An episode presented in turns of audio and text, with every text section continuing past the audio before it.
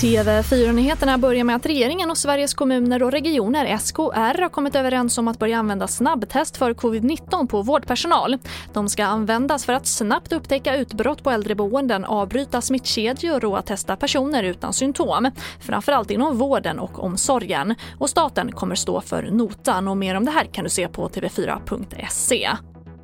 Och den första vaccinsprutan mot covid-19 ges i Sverige senast den 29 december och som tidigast den 27.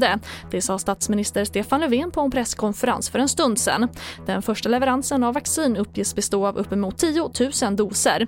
Och det här förutsätter att preparatet från Pfizer-Biontech blir godkänt av Europeiska läkemedelsmyndigheten i nästa vecka.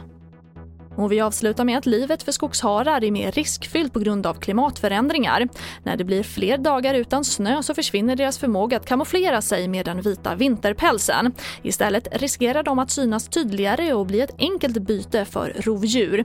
Det här visar en studie av harar i Skottland, skriver Sky News.